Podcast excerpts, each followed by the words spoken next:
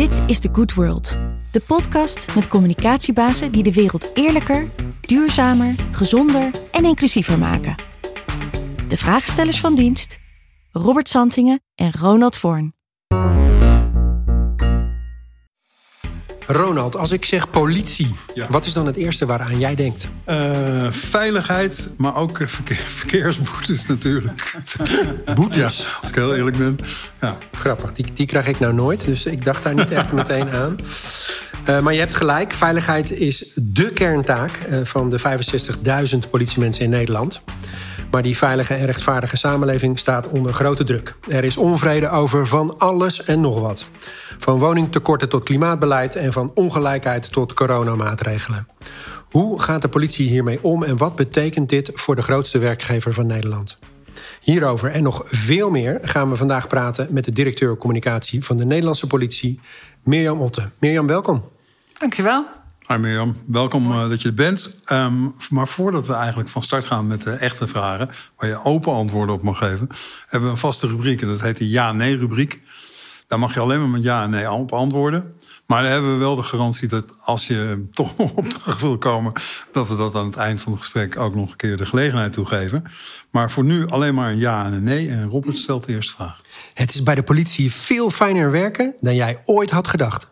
Ja, Binnenkort wordt een deel van het politiewerk gedaan door artificial intelligence. nee. Het moet voor elke politieagent mogelijk zijn een hoofddoek te kunnen dragen. Persoonlijke mening, ja. Leraren, hulpverleners en dus ook eh, politiemensen eh, moeten voorrang krijgen als het gaat om betaalbare huizen. Ja. Mirjam, jij studeerde ooit godgeleerdheid aan de Universiteit van Amsterdam. Nog wekelijks merk jij dat dat van pas komt bij het werk voor de politie. Nee. Eh, we zeiden het al in de intro. eh, het borgen van veiligheid is de kerntaak van de politie. De politie is natuurlijk een en al purpose. En ik wil eigenlijk daarmee even terug naar ehm, wat we eh, nog niet zo lang geleden, eerder dit jaar meemaakten. De Apple Store, waar die gijzeling plaatsvond. En overigens complimenten nogmaals voor eh, hoe dat opgelost is. Is gewoon echt heel fijn eh, voor alle mensen die gegijzeld werden. Maar ook voor de politiemensen zelf eh, en gevaar liepen. Dus, ehm, maar wat mij opvalt daaromheen was de communicatie. En met name op een gegeven moment heel openbaar de verzoeken aan iedereen die daar vanaf zijn balkon live stond te streamen naar de Apple Store toe, die mensen die er woonden. Jongens, stop daar nou mee, want jullie brengen onze mensen en ook de gegijzelden in gevaar. En ehm, waarom was dat eigenlijk dat dat op die manier gebeurde? Ehm, en, en welke rol speelt jouw afdeling daar dan in? Ja. Nou, dat is best een fijne vraag om meteen even uit te leggen wat mijn rol is hè, en hoe de politie is georganiseerd. Politie is georganiseerd. We zijn groot. Je zei net al de grootste werkgever. We zijn, hebben, we zijn verdeeld in eenheden. Eh, eh, Noord-Nederland tot Limburg tot Amsterdam. Dat zijn er tien. En dan hebben we nog één eenheid in Driebergen-Zeist... waar alle specials eh, zitten, de landelijke eenheid. Die hebben allemaal eigen communicatieafdelingen. Dan heb je in Rotterdam nog een groot politiedienstcentrum. Daar zitten allerlei serviceonderdelen, HRM, financiën, ook communicatie. En dan heb je mijn team. Ik zit bij de korpsleiding in Den Haag. Dat is de landelijke leiding van de politie. Die gaat over het beheer van de politie. En daar maken wij uh, uh, het beleid, uh, de koers, de hele gezamenlijkheid van die communicatie wordt daar eigenlijk geregisseerd. En ook natuurlijk als er heel grote landelijke topics zijn, hebben wij daar een rol bij. Nou, afgelopen week, dankjewel voor de complimenten. Ik was er zelf ook van onder de indruk. Daar zie je dat de collega's van Amsterdam het heel goed hebben gedaan. Uh, uh, fijn daarbij is, uh, en daar komen we denk ik straks ook nog wel over te praten, dat social media ons een enorme kans heeft gegeven om rechtstreeks met burgers in contact te zijn. Hè. Dus social media, zeggen wij, is niet alleen communicatie, is ook onderdeel van politiewerk. Hè. Het, het in verbinding zijn met de samenleving. Um, en dat hebben ze Amsterdam goed gedaan. En dat betekent ook dat je heel snel oproepen kunt doen via social media. Nou, en bij zo'n actie die live in beeld is, wil je natuurlijk niet dat het publiek iets doet wat de politieoperatie kan verstoren. Uh, door bijvoorbeeld informatie te delen waar de desbetreffende dader dan zijn voordeel mee zou kunnen doen. Er zaten bijvoorbeeld nog meer mensen in dat pand. Nou, dan is het niet fijn als hij dat te weten uh, komt. He. Die mensen zaten uh, verschuild. Nou, hebben ze goed gedaan, maar ook bijvoorbeeld achteraf. Er was nog om half één s'nachts een persconferentie van de lokale driehoek werd via Instagram uitgezonden. Hè? Dus, dus het, je ziet dat wij daar steeds beter in worden als, uh, als politie. En dat was een paar jaar geleden. Ik werk er nu vijf jaar. Uh, ja, was dat natuurlijk helemaal nog niet aan de orde op die manier. Als we nou eens inzoomen uh, op, op, op, jullie purpose. Hè? Uh, Ronald zei eigenlijk, ja, hebben een purpose. Politici dus het, ja, is het, het, het, is een purpose. Ja. Hè? Jullie zijn een purpose-organisatie. Ja. We zijn eigenlijk niks zonder purpose. Exact. Uh, hè? En ik moet ook zeggen, er wordt ook nergens, denk ik, zoveel over waarde en ook ethische vragen gepraat als bij de politie. Hè? Dat viel mij meteen op toen ik daar, toen ik daar binnenkwam. Want uh, mij, de, de politie is natuurlijk ook wel echt een operationeel bedrijf. Hè? Dus er moet gehandeld worden. Maar er zit ook echt die andere kant uh, aan. En mensen die bij de politie werken, en dat geldt overigens voor het blauw, maar ook heel veel mensen in de ondersteuning, willen een bijdrage leveren aan een, aan een veiliger en rechtvaardiger samenleving. Uh, vanuit de gedachte dat mensen vrij moeten kunnen leven. En het begrip vrijheid is ook een. We zijn net weer bezig met het verhaal van de politie. En daar zie je ook dat die vrijheid van de burger een belangrijke uh, trigger is voor politiemensen om ook hun werk uh, te, kunnen, te kunnen doen. En, en ja, vrijheid kun je alleen maar zijn. Vrij kun je alleen maar zijn als je veilig bent. Uh. Die vrijheid, uh, volgens mij schreeuwt iedereen tegenwoordig om meer vrijheid, lijkt, ja. het, lijkt het wel. zie jij nou ook dat, dat veranderen, die, die, die hele connotatie rondom veiligheid en, en rechtvaardigheid in de samenleving? Nou, wat je ziet is. is uh, kijk, aan de ene kant blijft de kern van politiewerk natuurlijk altijd wel hetzelfde. Hè? Wij, wij noemen dat ook de, de, de, de, de onveranderende taak van de, van de uh, politie. Aan de andere kant zie je de context veranderen. En, en je ziet ook dat social media daar een, een driver bij uh, is. Hè? En dan hebben wij natuurlijk snel over polarisatie. Dat is mm -hmm. ook een heel erg groot begrip. Hè? Maar je ziet wel dat, dat er onvrede in de samenleving is die zich uit. Uh, en dan is social media daar een enorme driver bij. Dat is denk ik wel nieuw mm-hmm. ten opzichte van vroeger. Kijk, ik, ik heb ook de krakersprotesten nog meegemaakt. Hè? Dus er is altijd uh, uh, maatschappelijk protest geweest in Nederland. Alleen die social media die, die geeft het een extra dimensie, waardoor dingen sneller gaan. Waar explosiever. Ook, explosiever. Ook wat is nou waar en wat is nou niet waar. Uh, fake news, nou komen misschien ook nog wel over. Hè. Dus, dus dat ja. zijn allemaal nieuwe ingrediënten. Ja. En de politie is dan het gezicht van de overheid. Hè, om, je ziet ook dat er ook best wel veel instanties zich weer een beetje teruggetrokken hebben uit dat publieke domein. Hè. Ook gewoon banken, uh, winkeltjes. Uh, hè, het is allemaal ook in, op het platteland. Mhm. Politie zelf overigens ook. Hè. We hebben wel minder politiebureaus dan we hadden. Mhm. Maar wij proberen wel weer dat te compenseren door. Um, pop-ups in, in bibliotheken, in stadhuizen. Er zijn zelfs agenten die met een tafeltje in een wijk gaan zitten... of die aanbellen, hey, ik wil vandaag even bij jou komen lunchen. Hè. Dus we zoeken de burger ook wel weer op.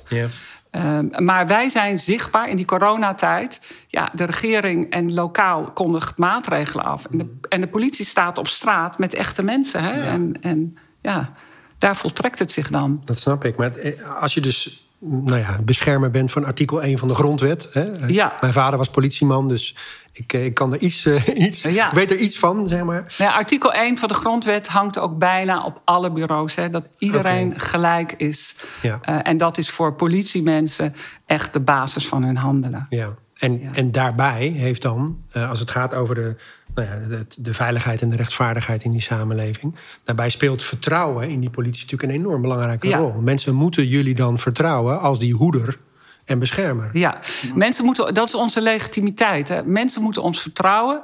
Waarom? Omdat ze ons gezag moeten accepteren. Maar ook, wij kunnen niet zonder die burger. Die moet ons bellen als die in nood is. Die moet ons bellen als die uh, informatie heeft. En. Um, En die moet ook overigens bij ons willen werken. Hè, wat tot nu toe nog heel goed gaat. Maar ook dat is een belangrijk aspect. Uh, hè, worden wij gezien als een, als een betrouwbare en, en goede werkgever? Maar jij, jij hebt het altijd in ons voorgesprek heel mooi over dat jullie werken en dat je meet je ook de bouwstenen van vertrouwen. Ja. Wat, wat zijn, nou, wat zijn we dat? hebben natuurlijk een hele communicatieaanpak. Nou, dat voert Ja. allemaal een beetje ver. Hè, maar wat, we doen veel reputatieonderzoek, extern en intern. En op een gegeven moment zijn wij, los van dat je issues en thema's hebt, gekeken wat, wat maakt nou dat je aan welke knoppen kun je nou draaien Ja. om dat vertrouwen te beïnvloeden. Nou, extern is dat bijvoorbeeld. ehm, rechtvaardigheid. Hè. Men vindt echt belangrijk, artikel 1. Hè. Ja. Iedereen moet je hetzelfde eh, behandelen. Maar ook de politie moet eerlijk zijn. Als je iets fout doet, moet je het eerlijk zeggen. Dat is rechtvaardigheid. De politie moet dichtbij zijn. Dus als ik bel, moet je er snel Ja. zijn. Maar ook als ik online, eh, hè, wat we proberen te doen... hè, we doen heel veel aan webcare. Als ik iets post en ik stel een vraag via een, een social media kanaal... wil ik ook snel antwoord. Dus dichtbij, hè, die hulpverlenende kant... En de politie moet effectief zijn. Hè? Dus, dus boeven pakken. Eh, afgelopen week die gijzeling. Ja, dat die tot een einde wordt gebracht. Um, blijft verdrietig dat de dader is overleden. Maar dat kon denk ik niet anders. Nou, dat geeft natuurlijk heel veel vertrouwen. Ja. Dat het ons lukt om zo'n Ja. zo'n bedreigende situatie midden in de stad. om dat goed tot een einde te brengen. Maar je hebt niet alleen externe bouwstenen van En we vertrouwen. hebben ook, hè? intern, ja, want eigenlijk is de, de politie, de nationale politie bestaat nu tien jaar aan het Mhm. eind van dit jaar. Ehm, en dat is in der tijd echt onder stoom en kokend water samengevoegd. Nou, dat is een mega organisatie eigenlijk, en dat moest heel snel. En daar is intern veel frustratie over ontstaan. En wij werken nu met, met bouwstenen van vertrouwen. En waar gaat dat dan over? Zorg voor elkaar. Vinden mensen belangrijk. Mensen zijn heel erg begaan met elkaar, ook intern. Maar ook de menselijke maat. Kijk, in een grote organisatie worden heel veel dingen strak getrokken. Bedrijfsvoerings. Hè, dan, dan, ja, dan Efficiency. Efficiency, ja. precies. Schaalvergroting. eh, dus dat schept afstand, maar ook soms dat je, dat je moeite hebt om je maatwerkbehoeften om dat voor elkaar te krijgen. Ehm, eerlijkheid, ook belangrijk. Hè? Men wil een eerlijke leiding. Men wil ook dat de top net zo wordt behandeld eh, als eh, de man en vrouw op de werkvloer. Eh, en de trots. Men wil die trots delen. Men wil die trots die zien. Hè? Men wil ook graag positieve berichtgeving in de krant. Hè? We, we liggen natuurlijk vaak onder vuur. Hè? Helemaal geen probleem.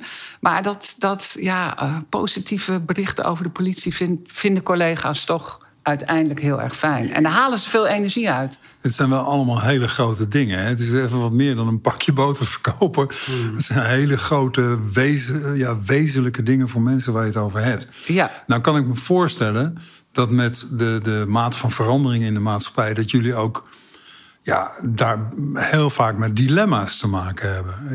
Zou je daar eens op eh, kunnen reflecteren? Nou, een van de grote dilemma's is natuurlijk eh, dat je, nou neem bijvoorbeeld de coronatijd, dat je, je wil dat iedereen eh, zich eh, kan uitspreken. Al die demonstraties, daar zijn wij voorstander van. Hè? Dat mag in dit land en dat is een enorme waarde. Tegelijkertijd zie je ook dat die demonstraties soms gekaapt worden door groepen die andere belangen hebben. En dat moet je begrenzen. Ja, dat gaat eh, heel vaak goed en soms eh, eh, ook niet. Dat gaat soms gepaard met inzetten van geweld. Nou, dat is dan de, de, de, de afweging. Hè? Hoe geef je ruimte? Eh, hoe begrens je? Hoe hou je eh, de, het moreel ook hoog? Kijk, al die mensen die bij die demonstraties werken... dat zijn gewoon wijkagenten. Hè? Eh, mensen die andere rollen hebben. Die worden dan opgetrommeld. Moeten weekenden achter elkaar werken. Komen niet aan hun gewone werk toe. Ja, dan ont- weet je, dat, dat, daar ontstaat frustratie. En tegelijkertijd moet je toch voor die, voor die waarde van het demonstratierecht blijven staan. Nou, dat is hè, dus, dus het, het ruimte geven, het faciliteren, het zorgen dat dingen kunnen. En tegelijkertijd ook begrenzen. Dat is natuurlijk altijd een heel moeilijke afweging. En om dat communicatief goed uit te leggen, is ook ingewikkeld. Hè? We hebben natuurlijk alsmaar filmpjes over eh, eh, hoe politie optreedt. Bijna alles wordt gefilmd. Nou, afgelopen week kon je de operatie live volgen. Um, maar elk filmpje waarin een politieagent geweld gebruikt, doet natuurlijk pijn. Weet je, dat, dat, dat is naar om te zien. En toch is het af en toe nodig. Uh, nou ja, hoe reageer je daarop? Mm. dat zijn ook dilemma's.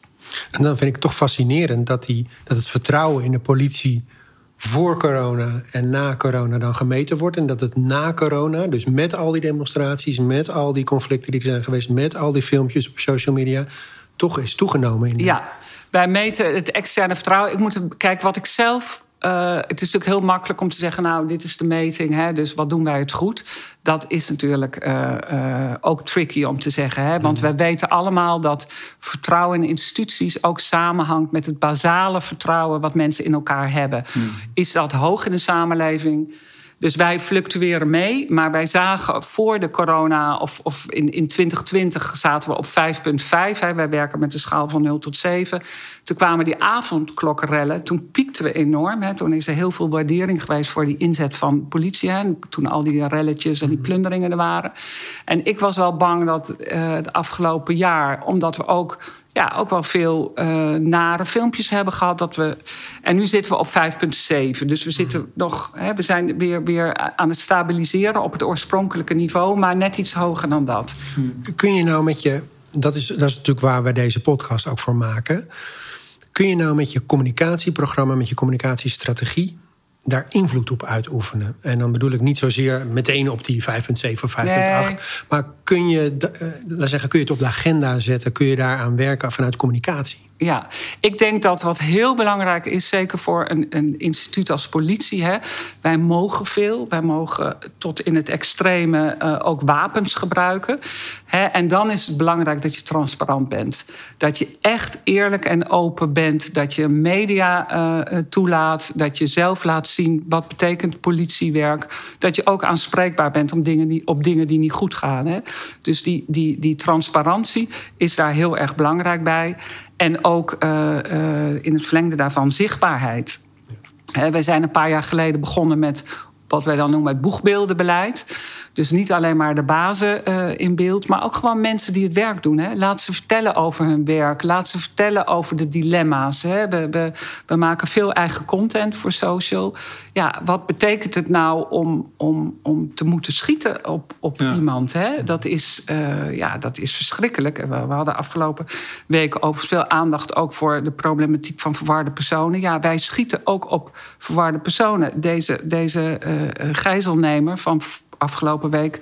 Ja, daarvan kan je ook zeggen, ja, was dat een crimineel of was dat iemand die, ook gewoon echt de weg was kwijtgeraakt? Ja. Hè? Uh, dus, dus... Maar ook die mensen kunnen agressief zijn, toch? Zeker, die kunnen zeer en zeer gevaarlijk zijn. Ja, hè? dat bedoel ik. Um, maar over die dilemma's vertellen en laten zien uh, dat ook politiewerk mensenwerk is, hè, waar waarden worden besproken, mm -hmm. waar ook intern mm -hmm. kritisch gereflecteerd wordt op handelen. Overigens ook justitieel, hè, want al dat politieoptreden wordt getoetst ja. door de officier en door de rechter uiteindelijk. En de Rijksrecherche. Uh, en de Rijksrecherche, ja. Dus, dus dat, hè, dus open ja. up, dat is uh, denk ik het belangrijkste. Uh, wat, wat, we kunnen doen om die verbinding ja. met die samenleving uh, goed te houden. Nou, daar wil ik nog even op doorgaan. Met name dan uh, andere dilemma's die je ook noemde, waar bijvoorbeeld um, diversiteit en neutraliteit. Ja. En, en daar, daar vroeg ik me af van: oké, okay, ik denk dat ik het wel begrijp, maar wat gaat er dan beter als de politie diverser gaat worden? Nou, wij willen diverser worden. Overigens stond er van de week een fantastisch stukje in de Volkskrant, dacht ik, over de eerste politievrouw. Die was overleden. Ik ben helaas even haar naam uh, kwijt. Uh, kijk, politie is op een gegeven moment ook met vrouwen gaan werken. Hè? Nou, die moesten ja. vroeger door de zijingang. Die mochten niet met een man samen in de auto. Want er zouden alleen maar praatjes ja. van komen. Die moesten ongeveer ja. een wapen in de handtas uh, doen. Hè? Inmiddels vrouwen horen bij de politie. Sterker nog, uh, in, de, in de top is ongeveer bijna de helft ook al vrouwen inmiddels. Wij willen een afspiegeling zijn van de samenleving. Ja. Wij willen die, die, verbinding met de samenleving, maar wij willen ook die samenleving kunnen begrijpen. En wij weten ook dat divers samengestelde teams ja. beter functioneren. Maar we hebben ook skills nodig uh, die mensen met andere achtergronden meebrengen. Mm -hmm. Taal. Uh, we willen ook uh, als je wil observeren in een diverse, in een gekleurde wijk, ja, dan heb je ook mensen nodig die, die daar niet per se opvallen. Nee. Ook in een niet zit ook gekleurde een heel- wijk heb je dat nodig, toch? En een, ja, en, en in, in, eh, hè, dus je zoekt mensen die, die profielen hebben die in de samenleving ook bestaan. Ja. Stuurt, je stuurt geen blonde Friese om te observeren bij een, katnetwerk. dat, dat, gaat niet, dat gaat niet echt goed samen. Nee. Nee. Nee, precies. En, en neutraliteit, waar gaat het? Nou, bijvoorbeeld de hoofddoekdiscussie. Eh, er is natuurlijk een, een vraag van... zou je niet de hoofddoek Ja. bij de politie mogen doen? Want er zijn eh, vrouwen met een moslimachtergrond... Eh, bijvoorbeeld, hè, onlangs was in Amsterdam-West... eh, stond een groot stuk in trouw. Vrouwen die, doen daar, die gaan daar de straat op. Die doen daar aan handhaving met hun kinderen. Die, die dragen een hoofddoek. Zouden die boa willen worden? Ja, dat zouden ze wel willen. Maar dat mag niet met een hoofddoek omdat de redenering is dat de politieuniform staat voor de neutraliteit van de politie. En dat is ook zo. De vraag is echter. ehm, ja, hoe geef je neutraliteit vorm? Wordt dat aangetast door een hoofddoek? Of kun je zeggen, nou, we maken die hoofddoek onderdeel van het uniform. Zoals bijvoorbeeld in Engeland heel normaal is. Hè? Daar heb je ook eh, Six met een tulband. Ja, absoluut. die, die, eh, hè, in Nieuw-Zeeland, er zijn verschillende plekken in de wereld. Alleen je voelt in de Nederlandse samenleving er is een, toch een fundamentele angst voor de islam. En dan, dan is de redenering, ja, maar dan komt die hoofddoek bij het uniform... en, en dan komt die neutraliteit onder druk te staan. Ik begrijp dat ook.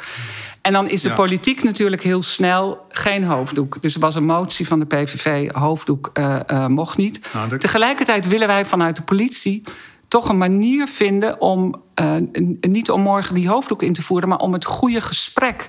Wat is nou het goede gesprek over dit thema? Hoe zou- doe je dat? Je zou ook kunnen zeggen van luister, iedereen in deze samenleving moet zich kunnen herkennen in de politie. En dat betekent ook in de uiterlijke kenmerken daarvan. Want dat draagt bij aan vertrouwen. Zeker. Dus dat, dat, dat zou je ook kunnen aanvoeren. Van ja, eh, aan de ene kant heb je natuurlijk de religieuze vraagstuk. Waarom zou je daar iemand echt mee in zijn gezicht eh, duwen? Aan de andere kant heb je van ja, misschien moet je het maar gewoon meer zien als een culturele uiting. En daar gewoon wederzijds respect voor hebben. Ja, maar kijk, het is ook niet goed als mensen eh, bang ervan worden. Hè? Ja. Dus, dus ik, ik denk dat we een vorm moeten vinden om op een goede manier dat gesprek, ook Ja. intern, hè, want intern denken mensen daar ook heel verschillend over. Eh, en dat komt altijd terug op neutraliteit. En wat is dat? En ik denk dat die neutraliteit in het vakmanschap zit. En niet per se of je blond bent of donker, eh, of je wit bent of handelen. zwart, of je wel of niet een hoofddoek hebt. Ja. Leuk dat je luistert naar The Good World. De podcast voor communicatieprofessionals die de wereld eerlijker, duurzamer, gezonder en inclusiever willen maken. Help mee door de podcast, video's en verhalen te liken en te delen. En natuurlijk, blijf luisteren, blijf kijken en blijf lezen. Be good. Had jij een vraag? Nee, ik, ik wilde nog even, gewoon om haar recht te doen. Jij noemde de eerste vrouwelijke agent Ja. in uniform, juffrouw Trace Kultjes. Zo heten ze. Een prachtige eh post, in postuum. Kostuum geëerd, hè? Ja, ja, ja. En, eh, ik dacht, ik zoek even Ja. een naam op om haar eh, nog Nee, even... ja, hartstikke goed. Hè? Ja, dat moet ook kunnen, hoor. En we hebben dus inmiddels mega veel vrouwen bij de politie... die Ja. ook gewoon in de ME zitten. Hè? Het is echt... eh, en dat zijn niet allemaal hele grote... eh, hè? Dat zijn ook... Nou, dat viel me op bij de Ja. laatste. Er stond een heel klein vrouwtje tussen. Ik denk, oh meid, wat ben je dapper. Ja. Ja, Ja, echt, als je ziet hoe er tegen ze tekeer gegaan wordt. Ik heb daar respect voor. Ja.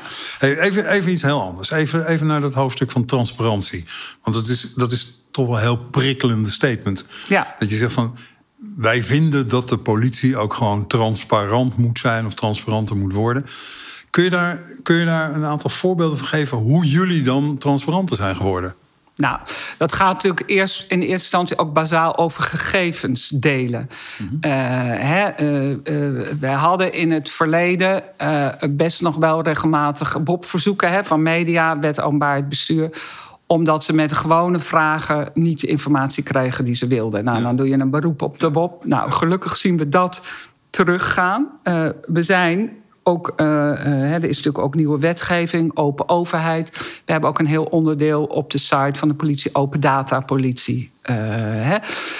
En dat, dat geeft vertrouwen als je zelf aan de voorkant al die data deelt. Dat is belangrijk. Ook belangrijk dat je niet alleen in beeld bent om de Goed Nieuws Show eh, eh, te vertellen, maar ook als het moeilijk is. We hebben een periode achter de rug en, en, gebeurt nog steeds met integriteitscasuïstiek. Hè? Politiemensen die de fout ingaan. Dat is natuurlijk super pijnlijk. Hè? Als burger moet je echt die politie kunnen vertrouwen. En dan lees je in de krant: hé, hey, er is iemand uh, ontslagen, want die uh, deelt informatie. Ja, die deelt informatie. Ja. Uh, overigens ligt de lat bij de politie daar heel erg hoog. Hè. Je, je wordt snel, er is redelijk snel een onderzoek als er een verdenking op je is dat je niet integer bent. Je mag ook niet zomaar bijvoorbeeld in politiesystemen nee. grasduinen om eens even je buurvrouw of je overbuurman te checken. Ja. Hè, daar zijn allemaal regels voor. Dat gebeurt dus, wel. Het gebeurt wel, ja. En daar wordt ook aan gewerkt om dat uh, uh, te voorkomen. Maar gaan en jullie dan zelf actief mee naar buiten als jullie zoiets ontdekken? Of wacht je tot we een journalist een vraag nee? We hebben een protocol bij integriteitskwesties. Uh, en die, die integriteitskwesties, hè, want je moet natuurlijk ook privacy van ja. mensen beschermen. Maar op het moment dat dat leidt tot besluiten, wordt dat actief gecommuniceerd. Ja. ja. Als er nou zoiets optreedt, zoals bijvoorbeeld bij de, de Voice of Holland. Um, waarin in één keer het MeToo-hoofdstuk gewoon op de agenda staat. En iedereen in Nederland ja. het erover heeft. En als de politie een afspiegeling is van de maatschappij, dan zou je kunnen mogen verwachten, ook statistisch, dat het dus bij de politie ook voorkomt. Ja. Hoe, hoe, is dit een onderwerp wat echt speelt bij jullie? Zeker, ja. En op, op welke manier? Nou, doordat wij uh, interne casuïstiek hebben, doordat -hmm. wij uh, uh, hele mondige vrouwen binnen de politie hebben die uh, sowieso uh, dingen melden als, als er uh, sprake is van seksueel grensoverschrijdend gedrag. Maar ook in bredere zin, intimidatie, ja. dat soort gedrag. We hebben natuurlijk, we zijn denk ik best ver met vertrouwenspersonen, netwerken, die kunnen helpen ja. enzovoorts. We hebben een strikt integriteitsbeleid. Maar ook nu is de, de, de actualiteit en de aandacht voor dit onderwerp. Ik merk het aan mezelf. Je kijkt toch weer opnieuw naar casuïstiek ook uit het verleden. Uh, hè? En ik denk dat uh, misschien ook binnen de politie vrouwen. Ja, daar is toch een cultuur van familie, weet je. Je, je, je, je doet mee, je bent ja. loyaal naar elkaar. Je gaat niet lullig doen. Uh, je gaat niet spijkers op laag water, ja. hè? een beetje dat. Uit school kloppen. Ja, je wil ook niet een melding doen en dan dat iemand meteen ontslagen wordt of zo. Hè. Dat, dat is soms ook een, een, een, reden waarom mensen terughoudend zijn. Maar het is een, een onderwerp wat intern weer volop op de agenda staat. Dus er worden overal gesprekken gevoerd. Ik heb ook in mijn eigen team daar gesprekken uh, over. En het is ook een kans om weer opnieuw dit, dit uh, thema intern te agenderen. Dus jij gaat dan echt kijken met je afdeling... moeten we de, de protocollen die we hebben en de regels die we hebben... hierop um, opnieuw nou, afstemmen? Of? Waar wij het vooral over hebben is... kun je reflecteren op je eigen cultuur? Ja. En, en, hè, want wij denken natuurlijk allemaal dat wij een hele... Uh, hè, dat we allemaal heel open zijn, dat alles moet ja. kunnen. Maar de vraag is of dat door iedereen zo ervaren uh, ja. wordt. En wat we bij de politie doen... we hebben een medewerkersmonitor. Die wordt elke uh, twee jaar, denk ik, worden alle teams worden onder de loep genomen met allerlei vragen. En dan wordt er een soort scan gemaakt van hey, ja. hoe, hoe zit het in jouw team? En uh, nou, dat helpt natuurlijk ook om, uh, om het goede gesprek te voeren. En om te ja. interveneren als je ziet... hé, hey, ja. dit zijn teams waar dingen echt niet goed gaan. Kijk, een van de moeilijke dingen bij de politie... is toch de span of control van leidinggevenden. Als je chef bent van een basisteam... heb je soms al 150 tot 200 man en vrouw in je team. Hè? Dus hoe... Hoe organiseer je dan ja. verbinding? Uh, hè? Dat zijn mensen die veel buiten zijn, die in diensten draaien. Dus die zie je, hè? als je in kantoor, op kantoor zit ja. uh, en je zit de hele dag bij elkaar, is het ook alweer anders. Jij zei net, um, leidinggevenden hebben zomaar 150 man, 200 man onder zich werken. Hoeveel mensen werken er eigenlijk uh, onder jou?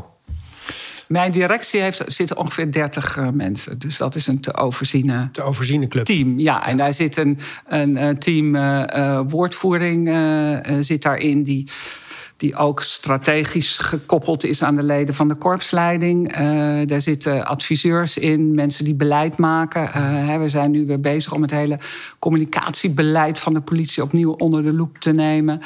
Uh, en we hebben een newsroom, een landelijke newsroom. Waar we dus elke dag monitoren, hey, wat gebeurt er op de socials? En uh, wat, wat, wat halen we op van buiten en wat brengen we van binnen uh, naar buiten? De grote redactie en alle contentmakers zitten in Rotterdam bij het facilitaire onderdeel. En nu jij zegt nieuw communicatiebeleid, denk ik, tipje van de sluier alsjeblieft. Wat komt er dit jaar? Wat is nou het grote thema of wat zijn de grote thema's in, dat, uh, in die nieuwe communicatiestrategie? Ja, interne communicatie. Oké. Okay. Ja, want dat was helemaal wegbezuinigd. Ik weet niet, is dat interessant om te vertellen? Nou, why not? Ja. ja. Als, je, okay. als je vertrouwen naar buiten wil opwekken, wil je het ook binnen voor ja. elkaar krijgen. Dus ja. ja. dan is het wel belangrijk dat je de aandacht aan kan Dat je de ruimte krijgt om aan, om ja. aan maar daar gaat, daar gaat voor mij niet. daar gaat meer budget om, naartoe. Nou, het gaat om dat communicatiebeleid. Uh, dat, dat moet, we moeten ook vastleggen wat we de afgelopen jaren aan nieuwe dingen hebben gedaan. Hè, zoals dat boegbeeldenbeleid. Dat exact. moet je af en toe eiken hè, voor de rest van de organisatie. Uh, we zijn we hebben een corporate story die we nu verwerken in al onze content. Uh, maar interne communicatie is belangrijk. En dan bedoelen we luisteren en niet zenden. Kijk. Nou, er is hoop. Er is ja. hoop. En daar gaat extra budget naartoe. Daar gaat, uh, uh, ja, ten, ten opzichte van het verleden gaat ja. daar extra budget naartoe. Ja, ja, ja zeker. Prioriteit voor 2022 maar soms is, en verder. is het niet altijd een geldkwestie. Maar ook aandacht. En, en ook aandacht, uren. ja. ja. Volgens mij moet je nog even de gelegenheid geven om terug te komen op de ja-nee-vraag. Ja, dat is een goeie. Wil, je, wil je nog terugkomen op uh, ja-nee? Nou, artificial intelligence, uh, mm. zeiden jullie, dat is natuurlijk heel erg belangrijk. Hè? In de analyse van data en analyseren van beeld. Ja. Maar wij spreken altijd over hè, de combinatie van mens en machine. Want de politiewerk blijft natuurlijk in de kern altijd mensenwerk. Human in the loop noemen we dat. Zo is dat. Ja, heel verstandig. Um, zie jij uh, op hoofdlijnen, maar zie jij bepaalde trends of uh, ontwikkelingen als het gaat over uh, communicatie en communicatie van purpose in organisaties? Zie jij dat?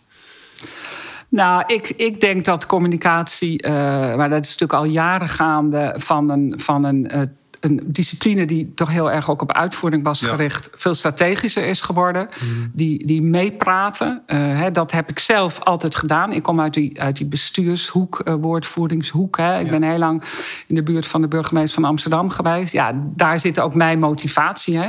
Kun je met, met een communicatieblik, met het iedere keer de andere spotlight erop zetten, kun je dan bijdragen aan een goed gesprek?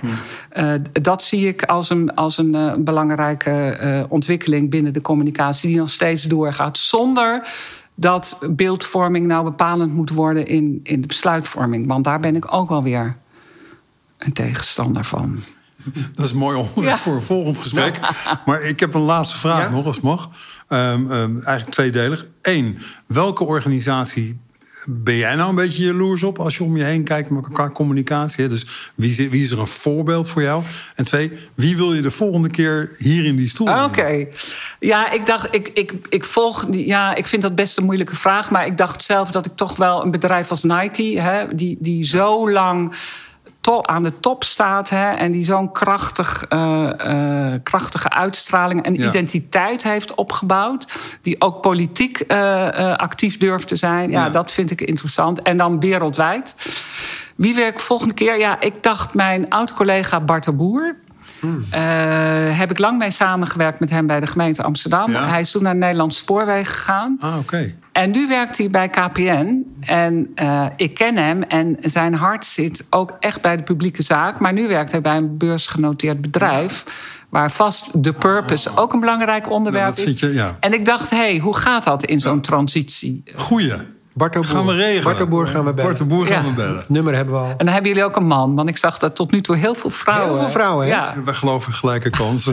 ja. We willen ook graag divers, maar het wordt heel moeilijk in de communicatie. Ja. Nou, onwijs bedankt trouwens voor, voor dit gedaan. gesprek. Ja. Ik vond het leuk. Dank voor je tijd.